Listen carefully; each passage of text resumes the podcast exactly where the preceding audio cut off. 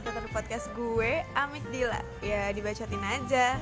So guys, kemarin kita udah bahas soal episode 1 yang isinya cuma perkenalan doang. Hari ini di episode kedua eh, gue akan membahas sesuatu yang sebenarnya kemarin beberapa hari itu sempat booming.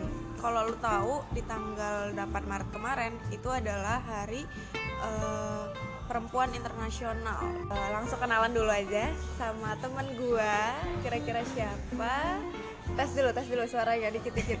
Eh. Tes tes. Tuak-tuak siapa? Gak ada yang tahu juga sih kalau gitu. Ya bego ya. Oke langsung aja kenalan dulu dong lo siapa? Um, gue Wahyu. Gue satu angkatan sama Dila nih ceritanya. Kita sama-sama di biologi. Kita lagi pusing mikirin judul skripsi. Ya ya siap. Udah mahasiswa tua.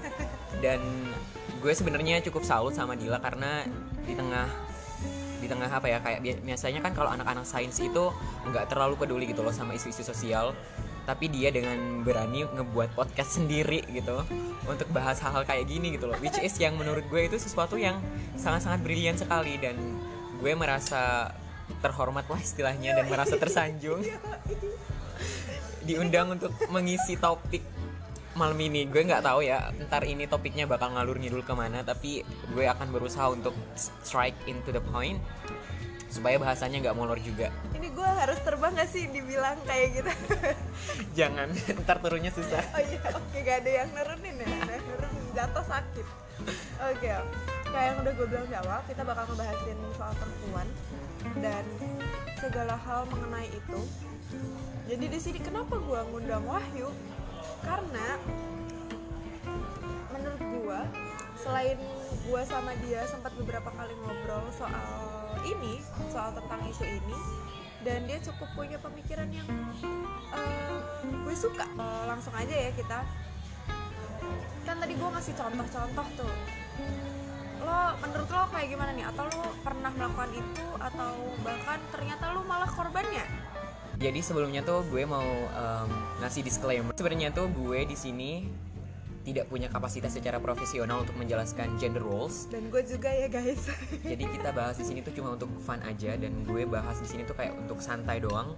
So based on my understanding, jadi kalian bisa enjoy podcast ini dan mohon maaf juga nanti kalau misalnya gue ngasih definisi yang kurang atau gimana.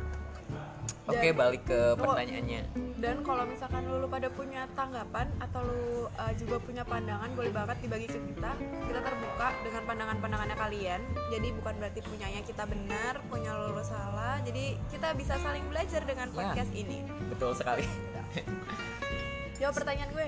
Um, jadi gini, a little backstory. Gue tuh dulu dari awal emang dari kecil gue tinggal di keluarga yang didominasi oleh cewek. Jadi kayak sepupu-sepupu gue itu isinya cewek semua most of the times. Jadi mau nggak mau sebagai anak kecil gue berinteraksi sama mereka gitu. Dan um, apa yang mereka lakuin itu sedikit banyak ke influence gue. Sampai saatnya gue masuk uh, ke sekolah formal ke SD SMP SMA di mana gue tetap ngebawa itu. Ngebawa uh, budaya lah katakanlah yang diturunkan oleh dari keluarga ya, dulu yang, ya, yang kebanyakan cewek. cewek itu. Jadi sedikit banyak gue menyukai hal-hal yang girly things gitu. Tapi bukan berarti gue juga pakai pakaian cewek juga enggak. Maksudnya tapi kayak gue nggak maskulin lah istilahnya. Gue nggak into maskulin standard. Terus um, kalau masalah yang tadi lu tanyain gue sering banget bahkan cukup sering nerima itu mulai dari pas gue SD, pas gue SMP, pas gue SMA, bahkan mungkin awal-awal kuliah ya, gue juga nerima hal yang sama kayak karena menurut mereka nggak seharusnya cewek cowok kayak gue misalnya pakai baju-baju bunga-bunga gitu motif bunga ke kampus atau bawa parfum ke kampus. Ya gue pernah ada di posisi itu dan masalahnya tuh di sini sebenarnya. Masalahnya nggak semua orang sadar privilege mereka. Um, privilege kayak gimana itu privilege yang gue maksud adalah privilege kalau mereka itu up into society standard gitu. Ah. Jadi orang-orang yang maskulin atau orang-orang yang feminin menurut pengertian uh, masyarakat mainstream, mereka kadang um, lupa gitu loh bahwa ada beberapa orang yang nggak sesuai standar, maksudnya kayak nggak up into society standard. Dan kadang kala orang-orang yang kayak gini ke orang-orang yang um, kayak gue lah gitu cenderung menjadi korban bullying di pas high school. Kalau mungkin kalau udah kuliah mungkin ya karena gue udah punya pemikiran gue sendiri dan kemudian gue udah punya support system gue sendiri jadi gue nggak terlalu peduli gitu. Beda ceritanya kalau dulu gue pas uh, di SMP atau SMA itu bener-bener afek gue secara personal juga.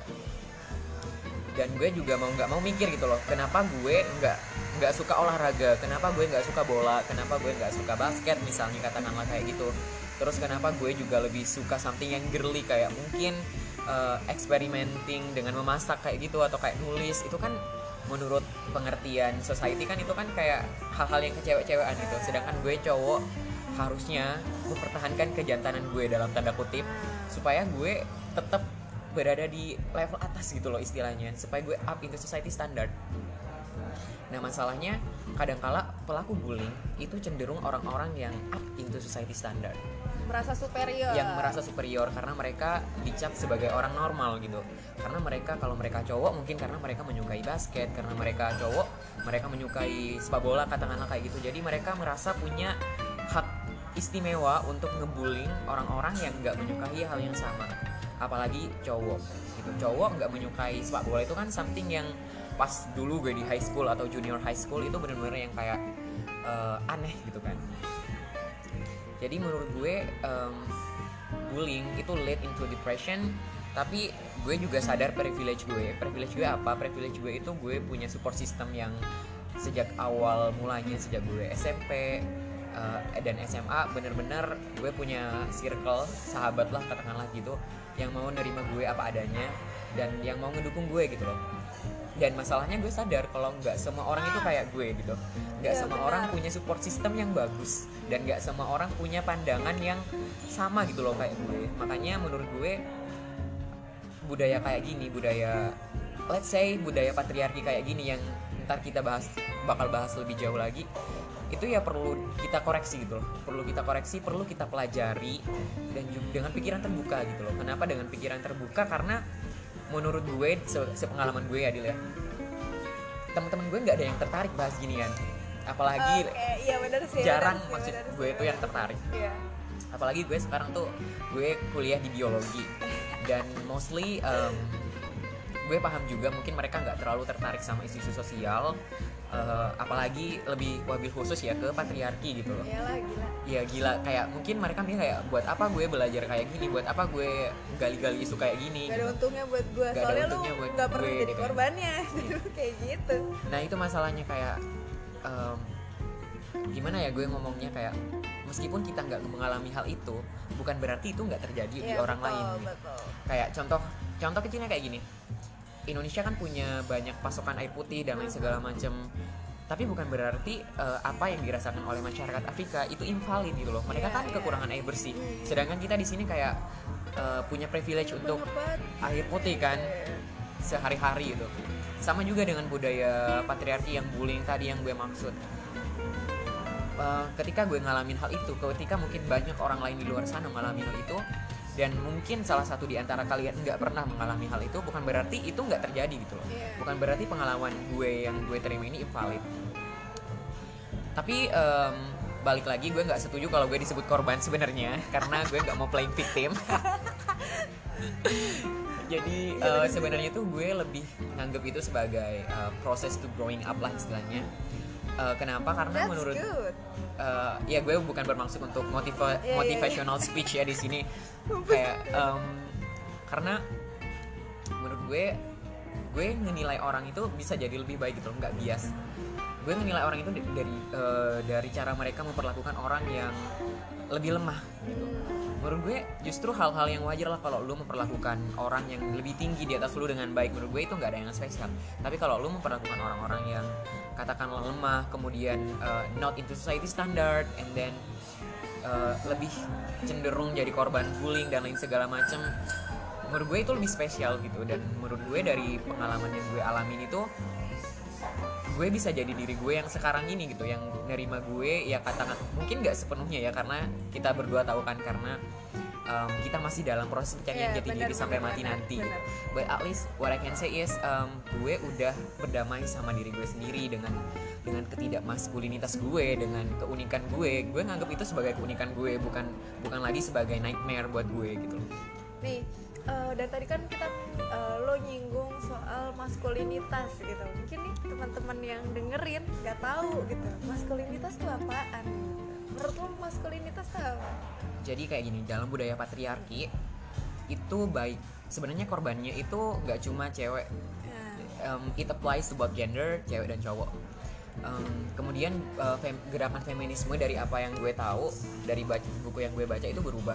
Jadi kan dari uh, gerakan par- gerakan melawan ini dari yang awalnya memper- hanya memperjuangkan hak wanita Aha. pada tahun 70-an mulai berubah untuk memperjuangkan hak laki-laki juga. Hak laki-laki untuk apa?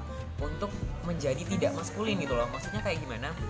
Maksudnya itu gue sebagai cowok ngerasa banget kalau dikaitin sama pengalaman gue sebelumnya ada standar sosial di mana cowok itu harus eh, harus maskulin harus bisa jadi rasional harus bisa emotionless nggak boleh nangis nggak boleh sedih karena lu dituntut untuk jadi pemimpin gitu loh.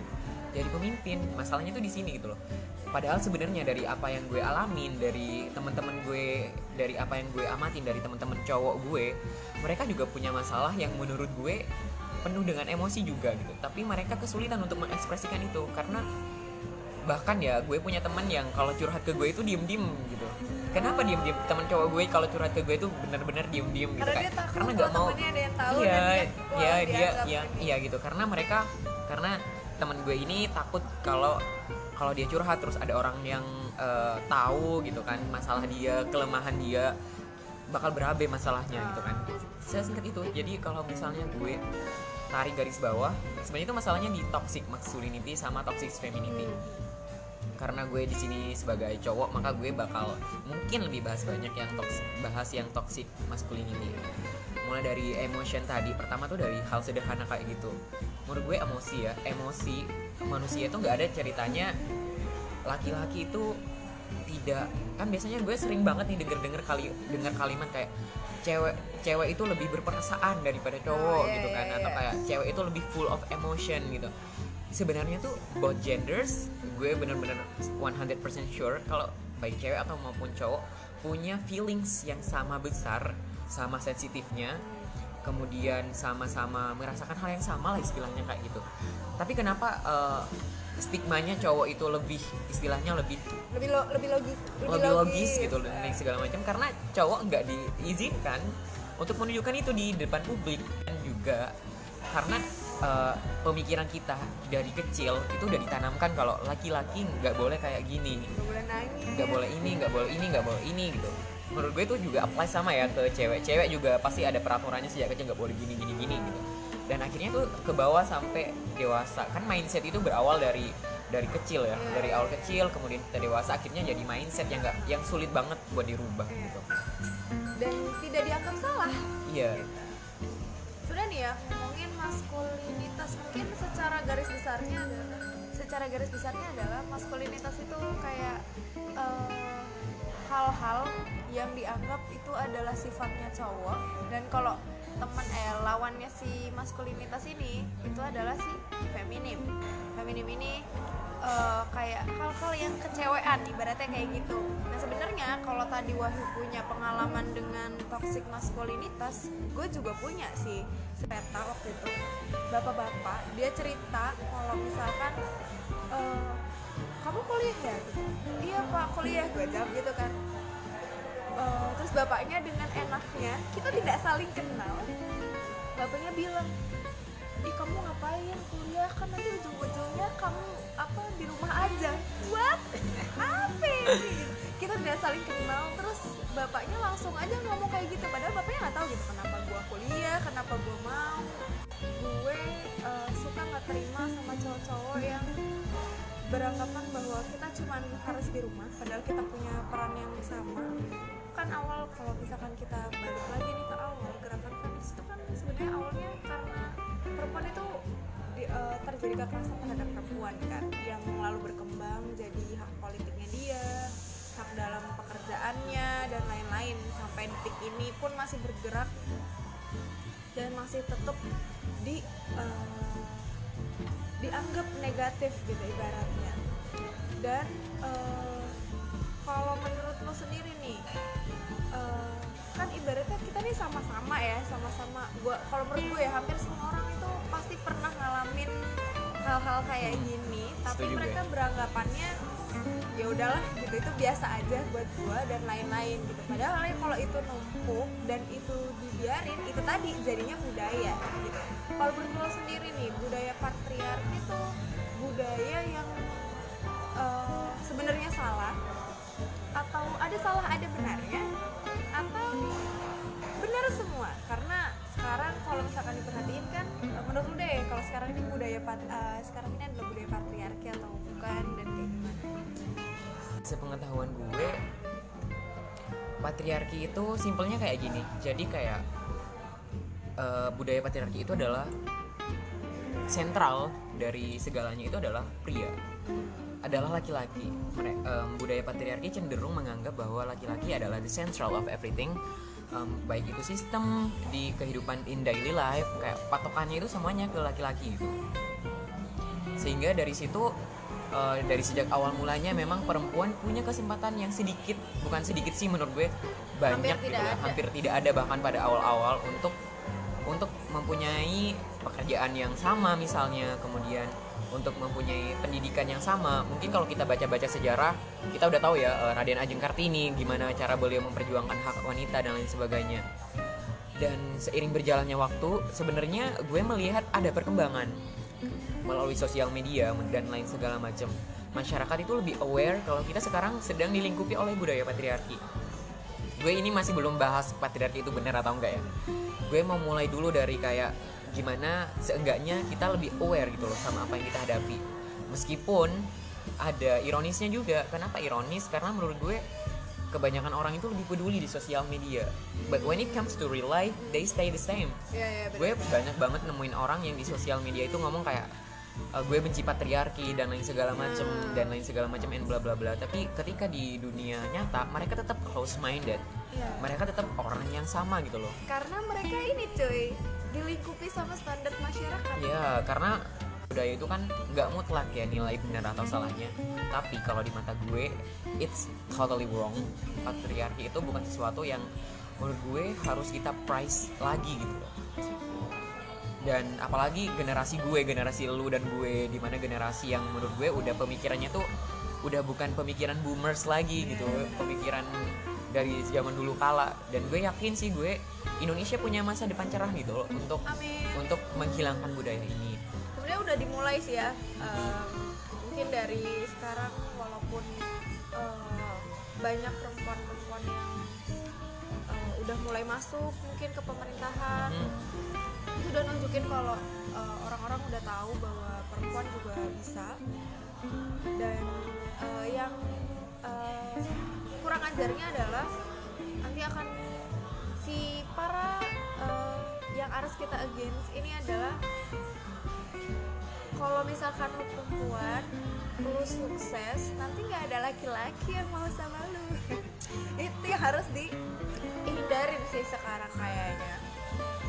Kalau dari pandangan gue menurut gue tuh kayak itu tuh sebenarnya akarnya satu sama tadi patriarki tadi. Jadi patriarki itu applies to everything. Mulai dari ranah pemerintahan daily life bahkan untuk self identity pun itu kita dilingkupi oleh budaya patriarki. Kenapa kayak gitu? Karena masyarakat kita itu masih belum aware sex and gender. They didn't really know perbedaan antara sex dan gender. Em, menurut sepengetahuan gue seks itu adalah sesuatu yang lu terima dari lahir. Kayak lu terlahir sebagai apa? Lu terlahir sebagai cewek lu terlahir sebagai cowok katakanlah kayak gitu. And then gender kalau gender itu spektrumnya lebih luas dan lebih dan lebih apa ya dan lebih beragam. Gender itu lebih kepada ekspresi diri kita gitu. Bagaimana cara kita mengekspresikan diri kita? Kayak misalnya gue eh, cowok em, apakah gue harus pakai jaket jeans everyday Ah. terus kemudian rambut mohawk segala macam? No gitu. Itu lebih ke ekspresi diri gitu. Iya. dan em, apa ya istilahnya dan misalnya itu applies juga buat cewek. Apakah cewek harus pakai gaun ke mana-mana kayak pakai rok too ya. feminist gitu kan? kalau untuk menurut gue ya senyama kalau untuk eh, ke ekspresi diri itu senyanya, senyaman lu aja gitu. Mau lu pakai gaun ke kampus mau lu pakai jeans mau lu pakai apa pun yang lu suka it's okay as long as you comfortable with that. Tapi masalahnya karena ada budaya gini baik cewek maupun cowok jadi terbatas untuk mengekspresikan dirinya. Padahal ekspresi di sini tuh bukan ekspresi yang gimana gimana gitu loh. Ini cuma cara mulai dari hal sederhana jadi cara kita dress cara kita merawat diri kita sendiri gitu. Gue pernah beberapa kali uh, dapet komentar dari orang-orang di sekitar gue. Kalau lu tuh cowok kok skincare-nya banyak? gitu kan. Um, seakan-akan mereka tuh mengasosiasikan kalau cowok itu nggak boleh nggak boleh main skincare nggak boleh peduli sama higienitas dan lain segala macam. Padahal menurut gue skincare gue itu ya basic-basic aja gitu loh. Nggak yang sampai kayak 10 step kayak Korean skincare no. Bahkan pun misalnya suatu saat gue mau ngelakuin hal itu 10 step skincare nggak ada masalah yang apa ya toh bukan lu yang biayain kan gitu kan masalahnya. Nah di situ tuh kayak uh, ada stigma di masyarakat kalau kalau sesuatu yang ber apa ya ber apa ya ber diasosiasikan dengan sifat laki-laki adalah sifat-sifat yang unggul. Sedangkan sifat-sifat yang diasosiasi diasosiasi yang dimiliki perempuan itu adalah sifat-sifat yang tidak unggul. Kasih gue gue kasih contoh aja ya. Contohnya kayak ada perbedaan yang mendasar. Ada stigma yang mendasar antara cowok yang mer yang uh, menyerupai ke yang ke cewek-cewekan atau cewek yang ke cowok-cowokan yang kena stigma lebih banyak menurut gue adalah cowok yang ke cewek-cewekan kenapa? Karena menurut mereka adalah sifat-sifat wanita itu sifat-sifat yang ribet. Iya. sifat-sifat yang yang nggak unggul gitu loh. Ribet kemudian sensitif dan lain segala macem. Sedangkan sifat-sifat cowok itu di praise too much. Kayak misalnya logis logis emotionless yang tadi gue sebutin dan lain segala macem padahal menurut iya gitu. Seakan-akan di situ iya seakan-akan emosi itu kayak tidak fleksibel padahal emosi itu menurut gue hal hal yang lebih fleksibel dari fleksibel. Iya. paham gak sih maksud iya, gue? iya, iya. jadi kayak bukan kayak benang yang lurus yang nggak bisa enggak emosi itu menurut gue baik cewek. Cewek bisa logis. Iya. gitu cewek bisa berpikir ke depan nggak nggak cuma cowok gitu. Gitu pula dengan cowok. Cowok juga bisa nangis cowok juga bisa ngerasa heartbreak sakit hati kemudian ngerasa sensitif juga ngerasa ngerasain hal yang sama gitu loh dengan yang cewek rasain. Nah masalahnya masalahnya adalah uh, ketika kita nggak aware dengan hal ini ini bakal diturunin nih ke generasi selanjutnya. Budaya yang akan terus iya berlanjut. akan terus berlanjut yang bakal selamanya ada gitu. Dan gue bahkan to the end of the world gue nggak yakin 100% kalau budaya ini akan bahas ini 100% yeah. tapi seenggaknya menurut gue gue mulai dari diri gue yeah, sendiri yeah, gitu loh. dari orang-orang di sekitar gue gue gue selalu berusaha untuk um, nyadarin orang-orang di sekitar gue kalau this is so wrong jujur ya gue juga bukan gue ngomong kayak gini nih ngebahas hal-hal kayak gini it doesn't mean that gue udah jadi orang yang eh, nggak uh, lepas dari budaya-budaya patriarki ya teman-teman. Uh, karena ini tadi karena dari awal gua dari kita lahir kita itu udah dibiasakan dengan budaya-budaya ini jadi secara nggak langsung uh, bahkan secara nggak sengaja aja nih lo lihat ada misalkan cowok nih misalkan cowok yang pakaiannya menurut standar itu kok dia pakainya kayak gitu? Padahal lu nggak niat nih buat ngomong kayak gitu. Tapi itu akan muncul sendiri gitu karena karena uh, budaya yang dari awal tuh kayak itu dianggap salah. Kalau lu nggak kalau kita nggak belajar buat kayak menerima penampilan orang terserah dia mau dia berekspresi seperti apa itu adalah dia ya nggak apa-apa gitu. Kadang gue juga masih masih ada di fase di mana kayak kalau misalkan gue ketemu cewek dananannya uh, rok abis gitu misalkan gue kayak anjir ini orang kok bisa ya dandanan kayak gini? gitu. Ya gue kadang kayak hanya membatasi itu sampai di mulut gue aja gitu. Gue nggak akan nyoba buat kayak eh itu tuh dia dia, dia kayak gitu pakaiannya lah gitu. Gue akan bener-bener berusaha buat kayak dulu nggak boleh kayak gitu dulu nggak boleh kayak gitu dulu nggak boleh kayak gitu iya yeah, uh, uh, karena karena gue nggak mau ini tadi budaya ini terus berlanjut dan walaupun kita mungkin sebenarnya ya dari kita kecil nggak sih? Kayak yang eh, cewek mainannya harus boneka cowok mainannya harus mobil-mobilan sama bola. Dari hal-hal simple kayak gitu aja dan itu tuh udah udah langsung bentuk kita gitu bahwa cewek cewek adalah cewek cowok adalah cowok yang dengan standar-standar masyarakat tadi gitu. dari situ makanya kayak eh, di SMP SMA kayak kalau kita nggak bisa main bola misalkan lo nggak bisa main bola kan terus lo dijudge gitu lah terus lo dulu main apaan main Barbie sama cewek-cewek ya ya apa ya karena hal-hal itu tadi karena mereka dari kecil udah dikasih tahu kalau cowok tuh mainnya cuma ini cowok mainnya ini si cewek tuh mainnya ini gitu. jadi yang penting dia tidak menyalahi kodrat kodratnya dia udah intinya titik di situ doang sih kalau ya gue setuju juga sih karena menurut gue itu budaya ini tuh udah tertanam di alam bawah sadar kita. Iya benar benar benar. Dan kita tuh refleks untuk kayak ketika misalnya kita ngeliat something yang different dari apa yang kita biasanya lihat kita cenderung untuk kayak ngedefend gitu ngedefend dari kita sendiri. Oh ini enggak buat gue gitu. Di situlah menurut gue pentingnya kita open mind. Open mind uh, dan gue sebenarnya mau ngelurusin nih ya. Gue tuh sebenarnya uh, sering banget nerima um, nerima komentar kalau lu tuh jangan terlalu open open mind ntar lu terlalu liberal gitu kan. Padahal menurut gue liberal dan open mind adalah dua hal yang Beda. berbeda gitu. Liberal ini kan menurut gue sekuler iya sekuler. Nah, aneh kan? Ya, menurut gue tuh liberal open mind itu lebih ke how we view things gitu kan. Bagaimana cara kita menanggapi hal-hal yang menurut yang menurut diri kita sendiri itu baru kemudian yang enggak yang nggak biasanya kita terima di daily life karena di- bisa saja tuh itu something yang good gitu loh buat kita. Nah kalau kita udah ngejudge duluan nih kayak gue nggak mau belajar tentang gender roles gue nggak mau belajar tentang feminisme ntar gue tersesat ntar gue jauh dari agama. Padahal menurut gue itu nggak ada kaitannya sama sekali gitu loh dengan kayak semakin lu belajar feminisme semakin lu jauh dari agama. Itu adalah dua menurut gue hal yang salah gitu kan. Karena menurut gue lu belajar feminisme artinya lu sedang memperjuangkan hak lu sendiri Iya, gitu. kenapa gue cek gue cowok kenapa gue belajar feminisme? Kenapa gue eh, selalu open book soal orang-orang yang eh, tentang feminisme dan lain segala macam? Karena gue laki-laki dan gue butuh feminisme dan gue ngerasa gue butuh feminisme. Untuk apa? Untuk untuk eh, memperjuangkan hak gue. Hak gue untuk berekspresi. Hak temen-temen cowok gue yang lain untuk kayak nunjukin emosi mereka di publik gitu kan. Kemudian eh, apa ya istilahnya?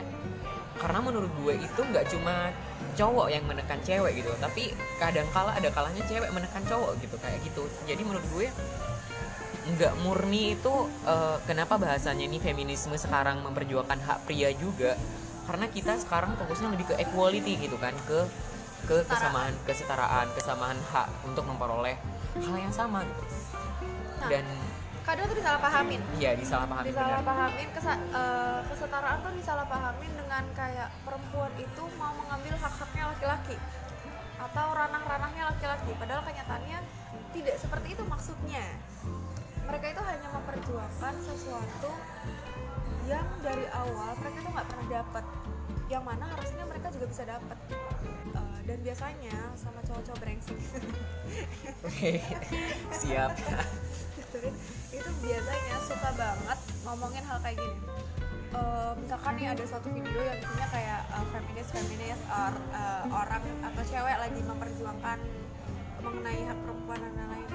Ah eh, eh, mau apa ngomonginnya eh, ya elah gitu lu mau minta se- kesetaraan terus eh, coba itu lihat apa kereta aja gerbongnya ada gerbong wanita yang buat khusus buat wanita gitu. Mana kesetaraannya kata lu gitu. Lu mau perjuangan apa gitu? Lu mau lebih superior kan dibandingkan cowok gitu. Padahal kan nyatanya nggak kayak gitu.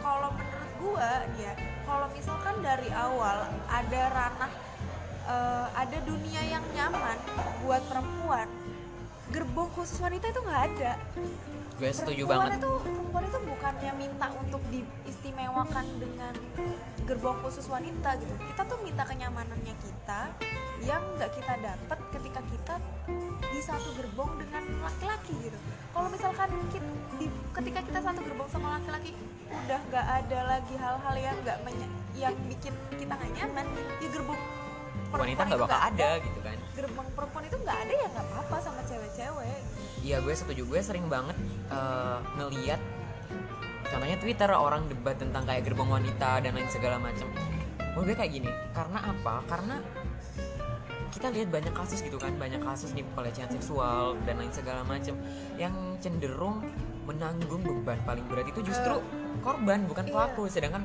pelaku itu kayak dilepas gitu dilepas gitu aja. Paling kalau misalnya pelaku kalaupun misalnya pelaku ini em, misalnya pelakunya kan mostly cowok kan. Iya. kalaupun misalnya dia mendapat hukuman hukumannya paling hukuman penjara habis itu dia nggak punya beban moral lagi setelah keluar dari penjara. Itu pun kalau dia masuk penjara. Iya benar.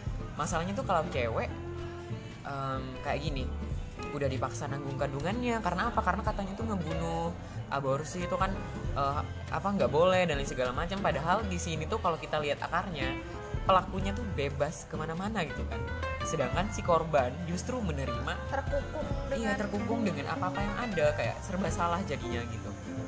Nah em, masalah tentang hal ini tuh oke kita sekarang eh, karena kita udah 20-an ya gitu.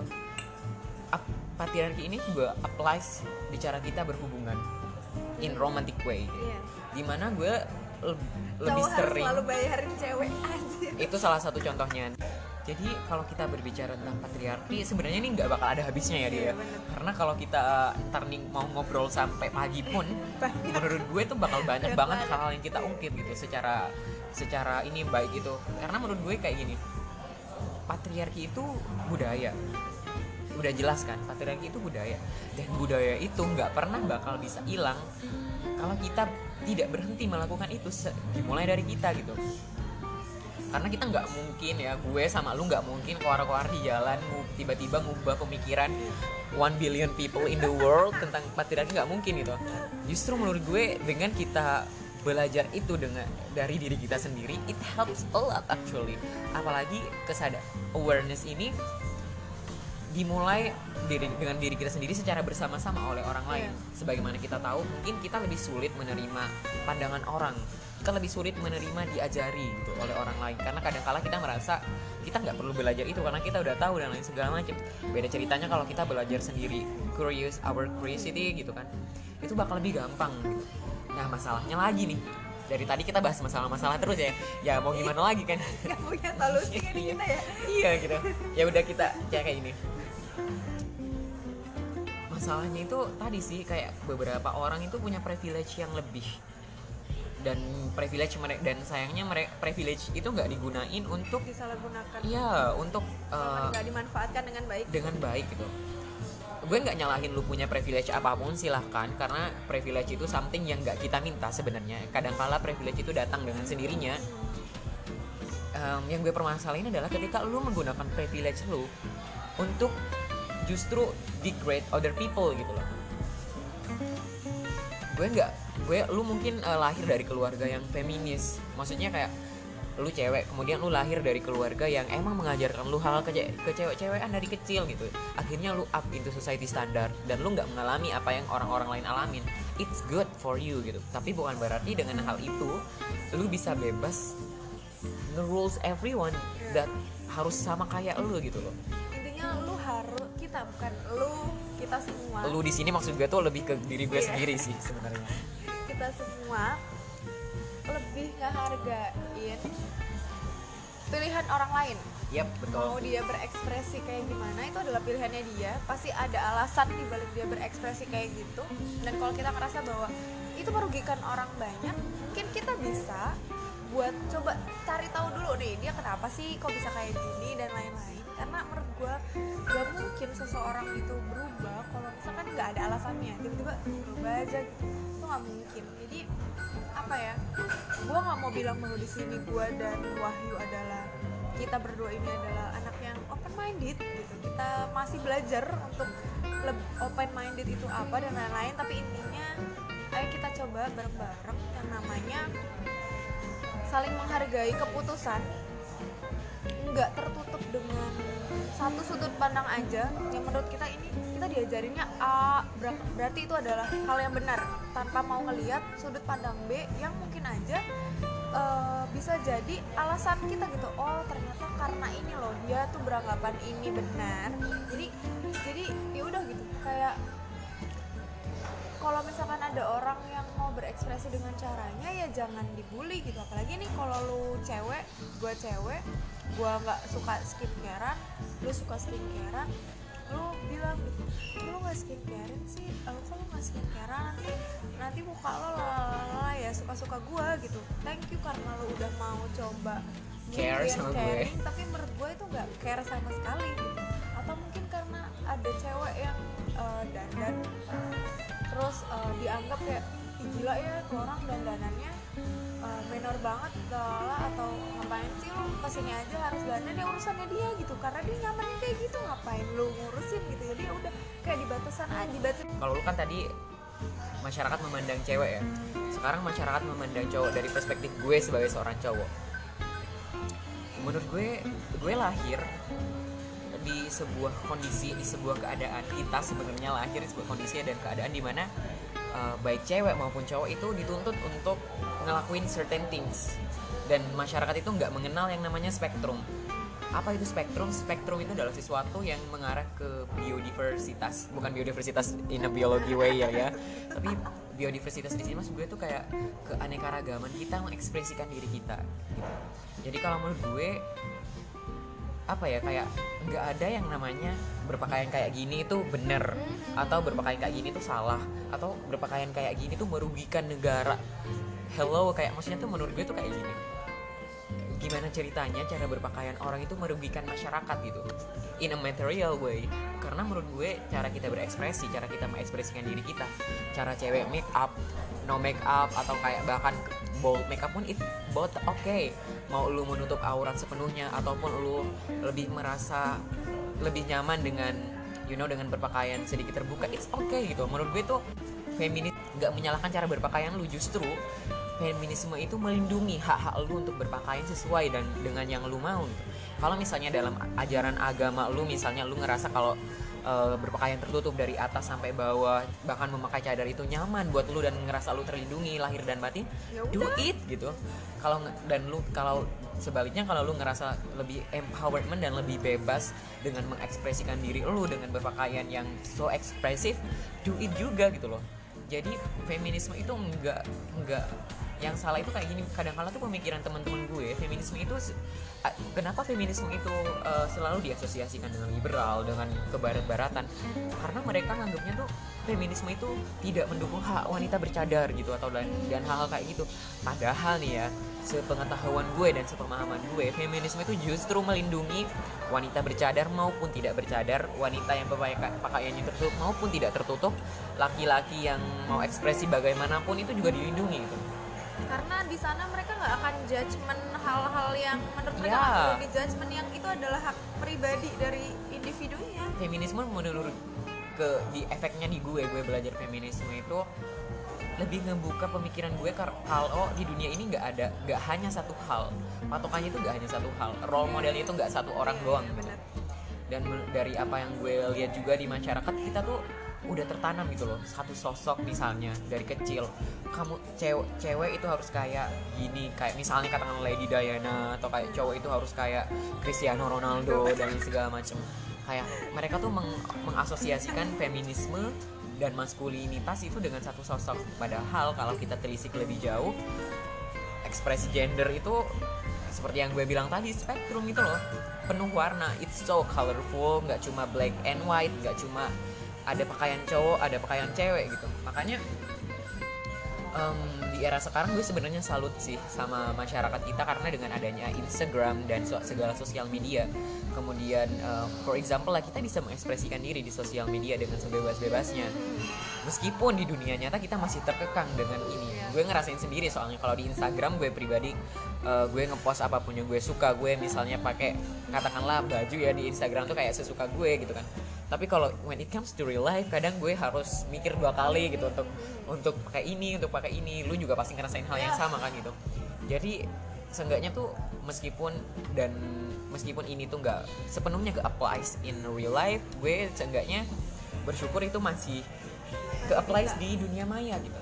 Dan cepat atau lambat gue yakin suatu saat itu juga bakal ke apply sepenuhnya di real life. Semoga aja tuh nggak hanya berhenti di sosial media aja sih Iya betul gue setuju tentang hal itu. Ada temen gue yang pernah ngomong ke gue something yang masih gue ingat sampai sekarang. Dia ngomong hell is a state of mind. Satu Iya, quotes iya, yang iya. gue ingat sampai saat Iya, benar benar benar saat benar, ini. benar. karena neraka itu kita ciptakan sendiri gitu loh di pikiran kita. Kalau kita berpikiran kalau cantik itu harus kayak gini ya kalau ganteng itu harus kayak gini kalau cewek itu harus kayak gini kalau cowok itu harus kayak gini selamanya gue nggak bakal ngerasa dam nggak bakal bisa berdamai sama diri gue sendiri. Karena setiap harinya gue bakal selalu memastikan kalau diri gue up into society standard. Dan gue nggak bakal punya waktu untuk memikirkan hal-hal yang lebih jauh Harusnya lebih lebih, krusial iya, gitu loh.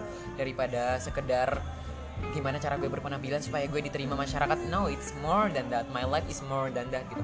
Makanya mungkin butuh waktu. Gue pribadi untuk sampai di titik di mana gue bisa katakan stabil mentally um, menerima diri gue sendiri sampai saat ini tuh butuh waktu yang bertahun-tahun. Nggak nggak nggak kayak dalam dalam dalam satu kali 24 jam sering ada peri datang no.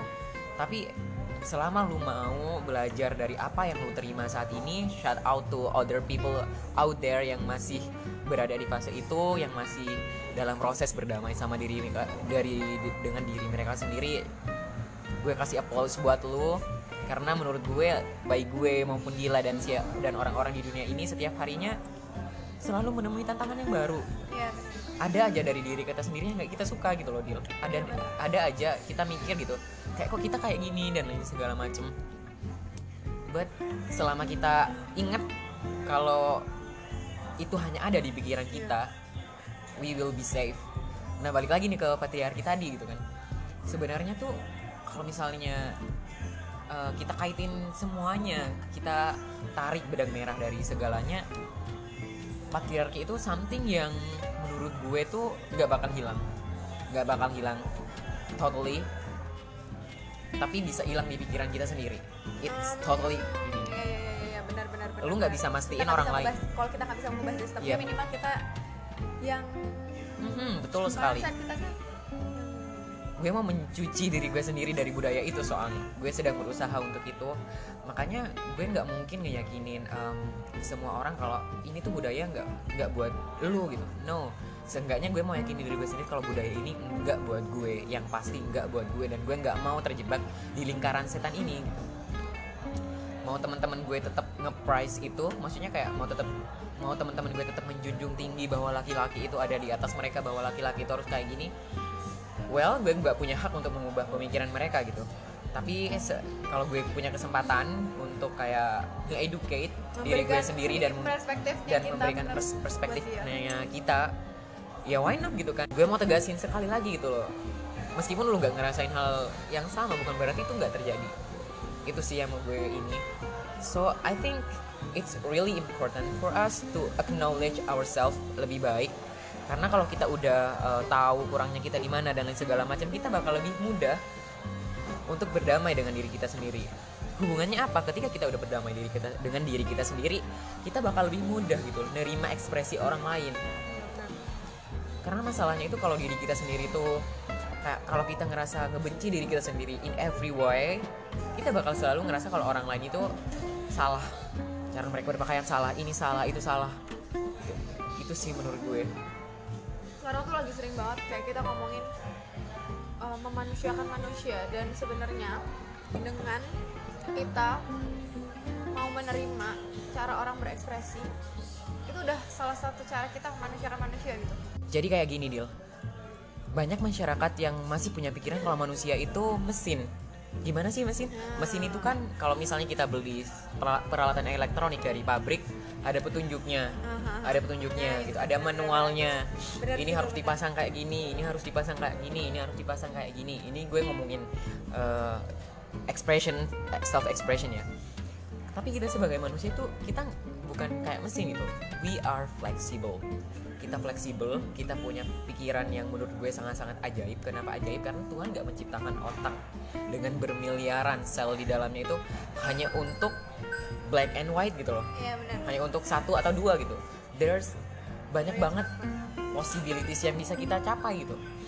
Mulai dari cara kita mengekspresikan diri cara kita mengang- eh, memandang hidup cara kita apa ya segala macam. Bahkan kalau kalau gue nanya ke lu menurut lu ganteng itu gimana? Kalau di situ ada satu juta manusia pasti ada satu juta pemikiran yang Iya, berbeda iya, benar, gitu. benar, benar. Dan satu juta orang dari satu juta orang itu jarang gue temui standar yang sama persis gitu. Pada pasti ada aja yang beda. Yang ah, nggak Bagi mungkin itu. sama semua. Nah kalau kita mau nge-apply itu di kehidupan in a real life in college life mari kita ke college aja deh gitu. Di school life lah ya saat sekarang kan kita lagi di school life gitu. Kalau kita terbuka dengan orang lain menurut gue tuh it good for for for me for you gitu. Karena gini karena usia-usia 20-an gini usia-usia 20-an gini adalah usia-usia di mana kita belajarnya itu belajar banget gitu. Dan ini nah masalahnya kayak gimana? Masalahnya kalau lu udah gue yakin one, hampir 100% ketika lu udah 30-an lu bakal sulit ngubah mindset lu gitu. Karena itu udah terpasang dan itu lu- kemungkinan besar bakal lu turunin ke anak-anak lu nanti gitu. Nah menurut gue justru saat kita labil-labilnya nih saat-saat ini justru adalah menurut gue nganggapnya itu sebagai kesempatan untuk ngebuka banyak pelajaran gitu. Mana yang paling pas buat kita sebelum akhirnya itu jadi permanen gitu. Kita cari kecocokan-kecocokan dulu nih buat diri kita. Nah, kenapa gue juga kenapa gue bisa berasumsi kayak gitu karena mostly most of the time generasi boomers, generasi orang-orang tua kita itu juga udah sudah sulit sekali untuk diubah mindsetnya karena mereka udah tertanam gitu loh karena udah tertanam udah ter apa istilahnya itu udah terpasang gitu. sedangkan kita yang di usia 20-an kayak gini masih punya kesempatan yang em, banyak untuk exploring things untuk nge-explore diri kita sendiri untuk nge-explore budaya-budaya yang ada di luar comfort zone kita gitu kayak gitu sih menurut gue. Terus em, berbicara tentang hal itu lagi kalau misalnya kita mau belajar banyak hal dari orang lain mengambil banyak pelajaran there's always something to learn actually. Baik dari orang-orang yang katakanlah menyakiti kita maupun orang-orang yang udah baik sama kita selama ini kita di- bisa belajar banyak hal ke di antara mereka gitu. apa hubungannya dengan budaya patriarki ini? Kenapa kayak motivational speech? Padahal kita budaya bahas budaya patriarki. Karena kayak gini loh dalam pandangan gue budaya ini dari saking akarnya itu nge-applies ke alam bawah sadar kita. Iya. dan itu mempengaruhi cara kita mengekspresikan diri makanya mempengaruhi cara kita menemukan diri kita sendiri gitu ada sesuatu yang kita anggap sesuatu yang misalkan tadi gue anggap kayak berbeda terus gue langsung akan nyeplos aja gitu. Karena itu ya dari alam bawah sadar gue sudah terpatri ada itu gitu. Dan itu di umur umur segini masih bisa buat kita bilang tadi gitu masih bisa buat di kayak aduh di keep dulu nih di keep di keep jangan kayak gini nggak boleh nggak boleh nggak boleh gitu. Lo nggak mau diperlakukan kayak gitu ya jangan memperlakukan orang kayak gitu. Setuju gue kalau gitu yang itu. sih. Em, karena menurut gue kayak gini em, orang-orang yang lu anggap lemah ini gue ngomong sama diri gue sendiri ya orang-orang yang lu anggap lemah biasanya adalah orang-orang yang justru paling kuat gitu. Kenapa kayak gitu? Karena orang-orang yang lu anggap lemah yang yang di bawah lu lah katakanlah kayak gitu mereka tuh udah nanggung itu sejak sejak awal gitu loh. Dan mereka bisa survive sampai pada titik-titik tertentu di mana mereka bisa berdamai dan lain segala macam. Sedangkan kita yang kita lu gue atau siapa pun yang yang ngerasa dari awal udah up into society standard nggak pernah merasakan struggle itu. Jadi kita nggak pernah Iya, ngerasain benar, gimana benar, sulitnya benar, untuk fit into society standard. Sadar atau nggak sadar itu nge, efek diri kita sendiri. Karena apa? Karena negara ini terdiri dari banyak masyarakat. Masyarakat itu terdiri dari individu. Dan individu ini membentuk kembali lagi membentuk sistem tadi. Makanya kalau gue ngomong dimulai dari kit- diri kita sendiri itu nggak bullshit gitu loh. Makanya kar- karena kenapa? Karena sistem itu terdiri dari kita sendiri di dalamnya gitu. Benar benar benar. Tapi nih ayu gua yang paling gua dari tadi gua setuju banget sama lo bilang kalau manusia itu bukan mesin yang ada petunjuk. Kalau kita berbicara tentang human emotions kenapa sih gue dari tadi ngomong human emotion segala macam? Karena itu adalah salah satu hal yang bukan salah satu hal lagi ya menurut gue tapi salah satu faktor besar utama yang mengendalikan cara kita berpikir cara kita menanggapi hal cara kita menu, apa ya eh, memilih jalan dan segala macam gitu kan. Karena makanya gue ngomong kan dari awal kalau emotional intelligence it's really really important gitu loh buat diri kita sendiri apalagi kalau kita ngomongin tentang usia 20-an usia-usia kayak lu dan gue yang di mana sedang gencar-gencarnya nih mencari jati diri kita itu sebenarnya siapa? sih gitu ntar mau jadi apa kemudian Akan apa sih yang cocok kayak gitu. apa gitu. bahkan dimulai dari hal-hal sederhana kayak gaya berbusana kayak apa yang cocok buat kita Iya, buat ke kampus setiap hari itu menurut gue hal-hal yang nggak banyak orang perhatiin tapi itu secara nggak langsung nge-affect Iya, iya. cara kita mengekspresikan diri. Dan nggak usah munafik ya. Setiap orang pasti ngejudge orang itu dari penampilannya dulu. Karena nggak mungkin lu tahu isi otak orang dalam sekali lihat itu nggak mungkin. Nggak kan buat sampai di titik lu mau buat yang namanya eh, pengen tahu isi otaknya dia kadang dilihat tuh dari penampilannya karena eh, itu bumerang sih sebenarnya. Kayak kadang-kala orang itu menginterpretasikan diri lewat pakaiannya gitu. Em, tapi bukan berarti kita bisa ngejudge orang seenaknya dari pakaian yang mereka kenakan gitu. Kalau kita kalau gue pribadi gue tetap berpatokan pada satu hal. Kalau cara orang berpakaian cara mereka make up cara mereka doing their self is just a form of self expression and nothing more than that. Nggak ada kaitannya dengan dia baik atau enggak nggak ada kaitannya dengan agamanya bagus atau enggak nggak ada kaitannya dengan dia pinter atau enggak gitu. Karena kayak gini gue pernah nih nemu satu quotes yang dulu gue ngerasa quotes ini sangat-sangat Bullshit. sangat-sangat keren gitu. Oh, keren. dulu sekarang gue mandangnya itu bullshit kayak gini. Gue quotes itu bunyinya kayak gini semakin lu cerdas semakin pakaian lu tertutup gitu. Itu dulu gue gue tuh dulu kayak oh iya ya benar ya gitu. Sekarang gue kayak oh my god this is so bullshit karena gimana ya banyak banget wanita-wanita hebat di luar sana baik yang pakaiannya tertutup maupun terbuka yang sama-sama hebatnya sama-sama cerdasnya. Masalah masalahnya itu masyarakat kita terlalu terobsesi untuk mengadu domba antara wanita gitu loh. Mana yang lebih cantik si A atau si B gitu. Mana yang lebih cantik si A atau si B si B atau si C dan si D dibener.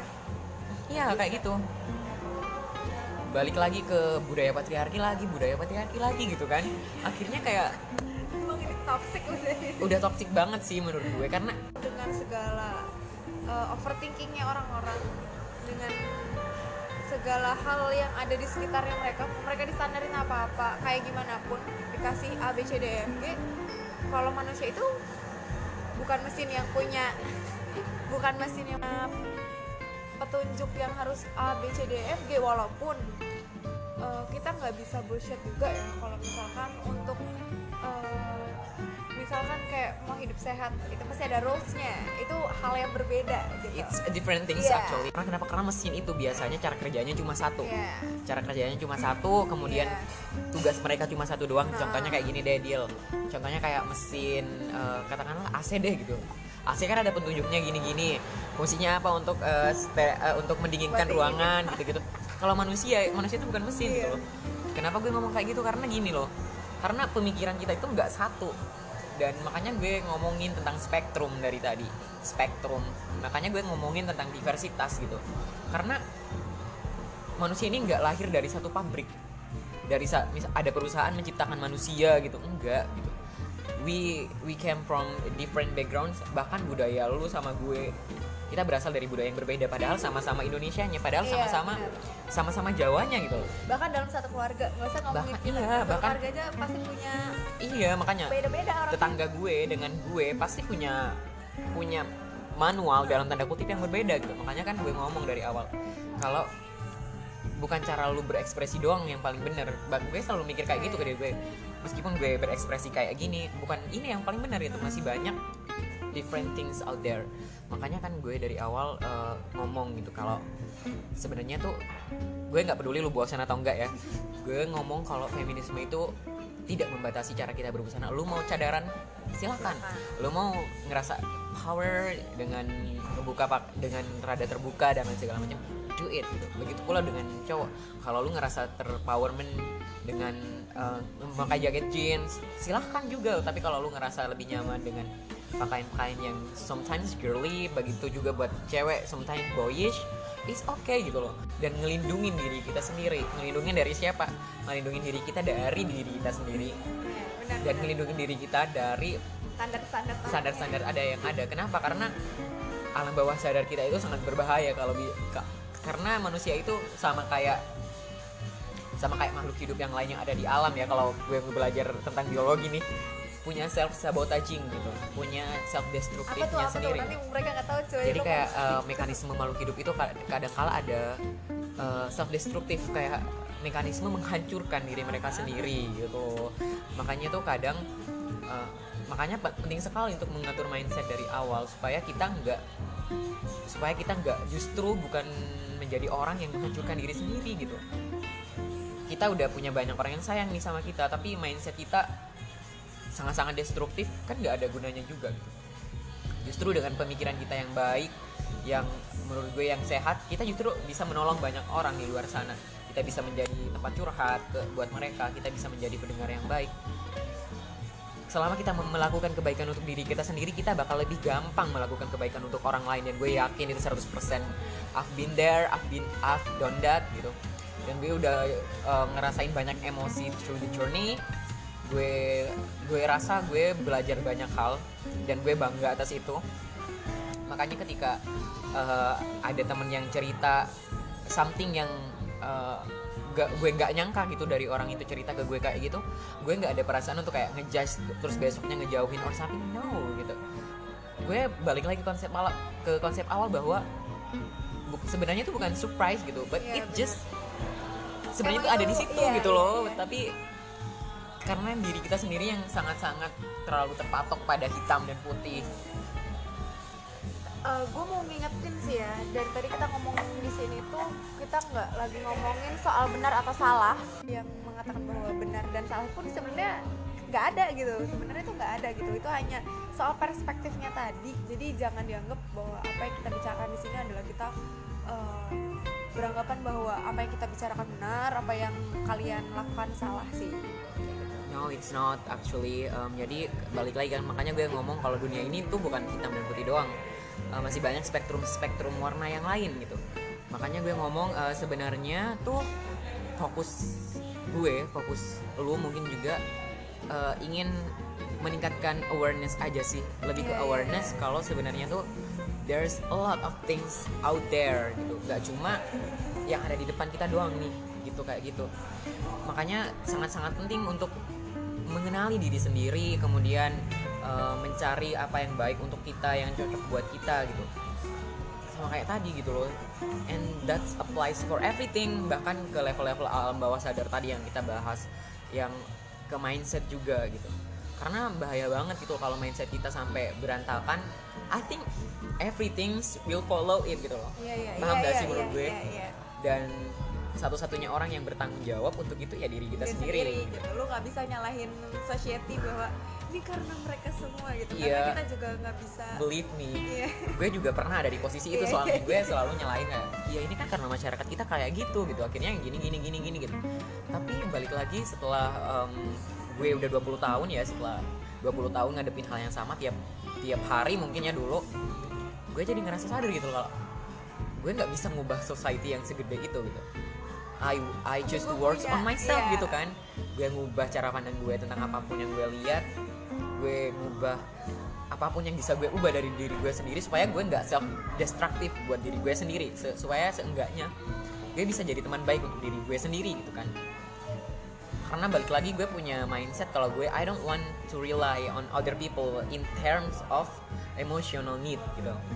Kalau material need lu bisa lepas kapan saja dari orang. Iya, tapi kalau iya. emotional need it really difficult. Makanya gue mau jadi teman baik buat diri gue sendiri. Berawal dari pemikiran sederhana kayak gitu gitu loh. Dari dari situ akhirnya gue justru dari situ gue lebih perlahan-lahan gue lebih nggak takut mengekspresikan diri gue sendiri. Cara gue berpakaian lah cara gue nulis cara gue ngatur sesederhana ngatur feed Instagram segala macam everything's more natural gitu. Segalanya lebih ini gitu. Um, dan itu ada banyak teman yang nge-support gue makanya gue sadar banget privilege gue punya teman-teman yang ini. Gue juga mau shout out to my moms because she is the greatest human alive. Karena menurut gue tuh dari sejak awal mulanya mama, gue itu adalah teman diskusi yang paling enak buat gue. Um, mama gue itu justru orang yang ngebuka kalau anak laki-laki tuh nggak kayak gini nggak harus kayak gini gitu. Anak laki tuh nggak kayak gini makanya kan gue sadar juga privilege gue kalau gue bahkan dikelilingi kadang orang itu yang udah kayak lu aja punya privilege dan punya dukungan misalkan minimal ya dari orang tua dari nyokap lu terus punya temen aja tuh mengalami struggle. Hmm, gimana kalau gue ngebayangin gitu loh teman-teman gue di luar sana lu, lu di luar sana yang nggak punya privilege kayak gue yang punya support system lah katakanlah kayak gitu bah, pasti bisa lebih sulit gitu.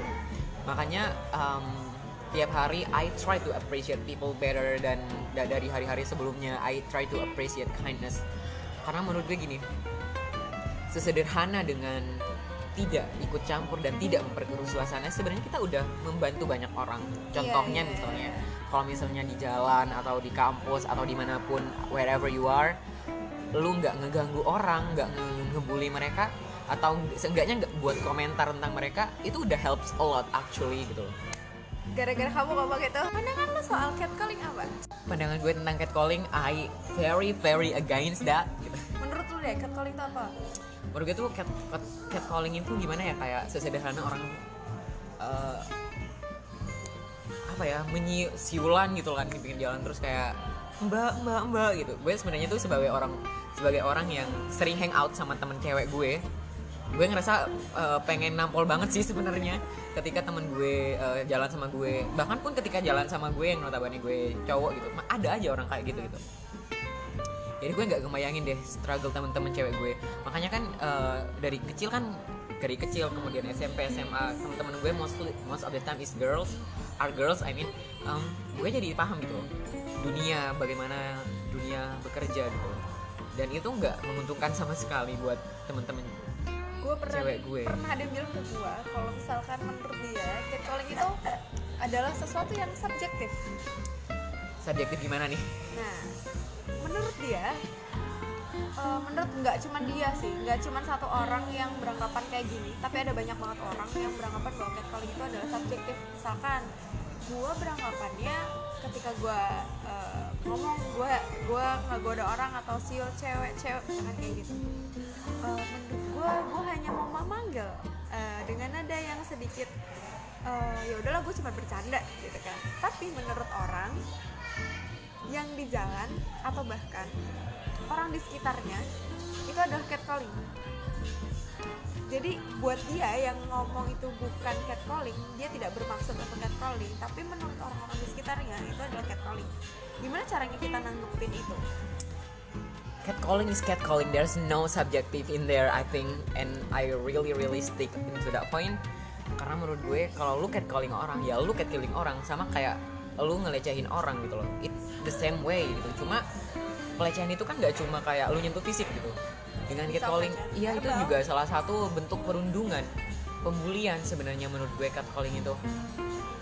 Karena most of the times yang ngalamin catcalling itu cewek most of the time. Apakah cowok? Nggak pernah tentu pernah. Tapi mungkin jarang banget kasusnya kecuali si cowok ini bener-bener kayak probably really really you know what I mean? Really beautiful or something. Tapi kalau cewek menurut gue lebih sering banget ya eh, itu karena kenapa? Karena kalau kita kaitin sama budaya patriarki eh, masyarakat kita gitu menganggap wanita itu just an object. Ya the thing is that gitu fuck manusia. you guys. Oh god.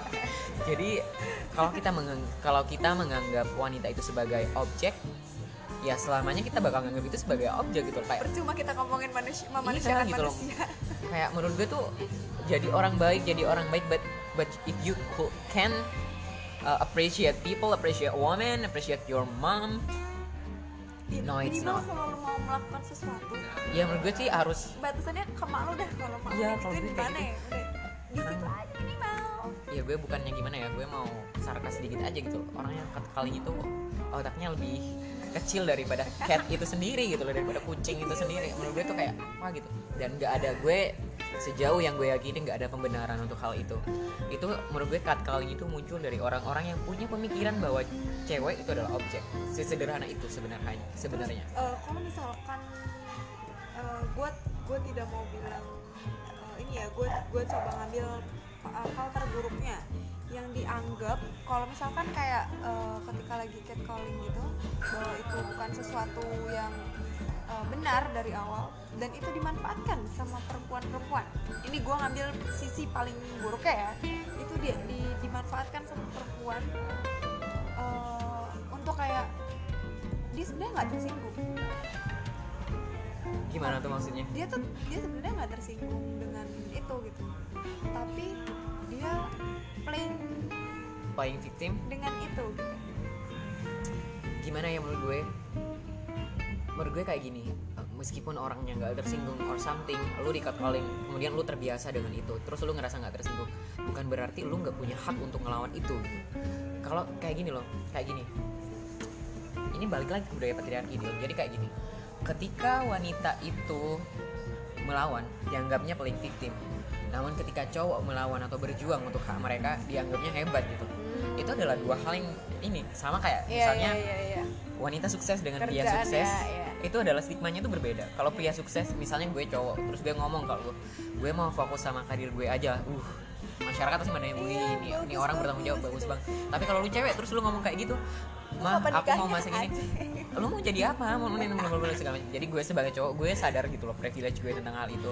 Sama kayak paling victim tadi mau lu kebiasa kayak setiap hari mau lu ini masyarakat pasti punya cara sendiri untuk nge-framing perlawanan lu dengan playing victim lah dengan inilah meskipun lu nggak tersinggung dan lu terbiasa dengan itu dengan lu nge-fight lu udah lu udah memperjuangkan hak orang lain juga Jadi di situ intinya bahwa catcalling itu nggak hanya soal ketersinggungan, tapi Iya. ada rasa tidak nyaman yang ada rasa tidak nyaman terus kalau kita telisik lebih jauh itu mengakar pada memandang seorang wanita hanya sebagai objek objek. titik gitu. Udah dengar ya teman-teman laki-lakiku? Atau mungkin yang baca ini, eh yang denger ini, dengar bahwa catcalling itu bukan si ceweknya baperan, tapi emang ya kalau misalkan lu catcalling, catcalling aja gitu, bukan soal tersinggung aja, tapi ketika lu ngomong kayak gitu, ya gini aja deh, kenapa? Ngapain juga lu manggil dia dengan nada kayak gitu kalau lu nggak punya maksud? Iya kan? betul sekali makanya tuh um, there's a lot of struggle being a woman dan gue bener-bener salut makanya kan gue bener-bener kayak literal uh, not literal way but God is a woman is indeed gitu loh. Kayak bener-bener gue sangat salut dengan wanita-wanita di luar sana dengan teman-teman cewek gue dengan my mom dengan sosok-sosok wanita di kehidupan gue gitu. Karena mereka bikin gue jadi lebih baik dari sebelumnya. Mereka bi- bikin gue belajar emosi lebih baik gitu. mereka bikin gue lebih menyadari kodrat gue sebagai manusia bukan sebagai laki-laki bukan sebagai perempuan. Karena gimana ya masyarakat kita itu terlalu kayak kodrat lu tuh cowok kodrat lu tuh cewek. Tapi mereka lupa satu hal kodrat kita itu manusia. Dan manusia itu kayak gimana? Manusia is full of emotions. Manusia is full of self expressions gitu. Dan I think nggak bijak sa- sangat nggak bijak kalau kita mengasosiasikan satu emosi dengan gender. Kayak misalnya logis diasosiasikan dengan cowok kemudian suka nangis diasosiasikan dengan cewek gitu it's not gitu. Karena menurut gue baik cewek hal kelaminnya beda atau cowok gitu. Kita semua sama-sama manusia. Sama-sama punya rasa yang sama. Intinya sebenarnya ini sih kalau misalkan kita uh, lu, lu kalau misalkan mungkin ada yang beranggapan bahwa uh, lu nggak nyinggung soal uh, ini deal apa namanya soal hak-hak dan kewajiban wanita dalam Islam. Oh, iya. Ini kita kita ngomongnya di luar itu ya teman-teman. Kita kita tidak punya kapasitas untuk membahas bahwa uh, dan tidak bilang juga bahwa feminis itu artinya menghilangkan kewajiban seorang wanita. Intinya adalah wanita dan laki-laki itu punya hak dan kewajibannya masing-masing dalam agama. Tapi bukan itu yang kita singgung dari awal. Dan mungkin ini yang disalahpahamin banget adalah eh, feminis itu bukan hanya soal eh, feminis yang radikal, yang selalu negatif. Feminis itu ada banyak teman-teman. Lo harus baca dulu gitu bahwa feminis ini adalah suatu gerakan yang eh, bentuknya ada banyak gitu. Ada yang mungkin memang tidak semua gue nggak akan bilang bahwa feminis itu adalah sesuatu semuanya semua eh, feminis itu masih dibagi lagi. Ada yang liberal misalkan, ada yang radikal, ada yang eh, feminisme dalam Islam, ada yang ekofeminis mungkin, ada banyak dan cara mereka bergerak itu beda-beda. Jadi kalau misalkan lu hanya melihat si feminis ini dari sisi yang negatifnya aja, ya lu nggak akan nyampe gitu, lu nggak akan masuk ke dalam bahwa feminis itu intinya adalah kita cuma pengen perempuan itu punya hak yang sama dalam beberapa hal yang dianggap itu cuma punyanya laki-laki aja. Dan dari sudut pandang gue sebagai seorang cowok gue mau ngeyakinin orang-orang di luar sana bukan ngeyakinin sih tapi nyebar awareness terutama ke teman-teman cowok gue juga yang di luar sana bahwa it's okay to be not okay it's okay to be weak karena menurut gue cowok itu sangat-sangat dilarang untuk menjadi lemah. Suatu kekangan mental yang sangat-sangat nyata gitu loh. Jangankan eh, di masyarakat kadangkala di teman-teman gue sendiri aja ah lu lu cowok kok sensitif banget sih? Lu nulis puisi kayak gini tuh gimana sih ceritanya gitu? Setahu gue cowok itu sangat-sangat tidak emosional gitu. Padahal sebenarnya menurut gue cowok tuh punya sama kayak lu cewek-cewek di luar sana juga punya ini gitu loh punya sense of emotions yang sama. Jadi feminisme itu nggak nggak mengatakan bahwa kalau lu jadi seorang feminis lu harus bebas sebebas-bebasnya. Lu harus berpakaian terbuka lu harus apa ya istilahnya lu liberal lu segini gini no gitu. Feminisme ada untuk melindungi hak lu hak gue dan hak siapa pun untuk express their self freely in public dan merasa secure dengan itu gitu loh. Itu sih yang dari gue. Jadi aja kalau lu pada merasa punya sudut pandang lain kita terbuka banget kita ayo kita diskusi kita cari mana yang paling eh, bukan mana paling benar ya tapi mana yang sekiranya bisa kita compare gitu. Oh kenapa sih lo bisa beranggapan kayak gitu? Kenapa gue bisa beranggapan kayak gini gitu? Kita cari titik temunya di mana kayak gitu kan. Em, gue mau ngasih pesan ke teman-teman gue di luar sana bahwa gue mau bilang kalau fokus ke lingkaran orang yang menerimamu dan tahu kamu gitu. Jangan lupa kamu punya mereka. Terus jangan lupa juga kamu selalu punya bahu untuk bersandar. Jangan lupa kamu juga tak perlu menjelaskan dirimu kepada siapa-siapa when it comes to people putting others down or saying nasty things just remember it is a reflection of themselves not you. Keep being yourself and be happy. Gue mau ngucapin makasih nih buat Dila karena udah ya thank you juga. mempercayakan gue gitu ya sebagai orang yang masih belajar ini. Ya, gue juga masih belajar. Untuk ya untuk em, ngeluarin apa yang ada di otak gue. Thank you Del. Iya sama-sama maafkan karena lu yang gue yang mengundang lu terus gue yang gue yang lupa gue yang ketiduran gue yang telat goblok banget. So mungkin segitu aja ya teman-teman buat episode yang kali ini. Eh, ngebahasnya soal perempuan feminis patriarki dan lain-lain. Dan alam bawah sadar everything. Iya benar. Eh, tunggu episode-episode selanjutnya. Gue mau ini nyuruh lo buat eh, tag pakai tagline gue lo harus oh ngomong ya oke gue siap. ya. Ah, gimana nih gimana nih? Tagline podcast gue tuh gini eh, ya bacotin aja. Ngomongnya harus kayak gitu Oh, ngomongnya. Iya bacotin aja. Enggak enggak enggak ngomongnya kayak gitu. Jadi ya bacotin aja. Oke ya bacotin aja. Ya siap. Thank you Wahyu. Thank you, guys. thank you buat teman-teman. So segitu aja See Dadah. you in the next time. Dadah.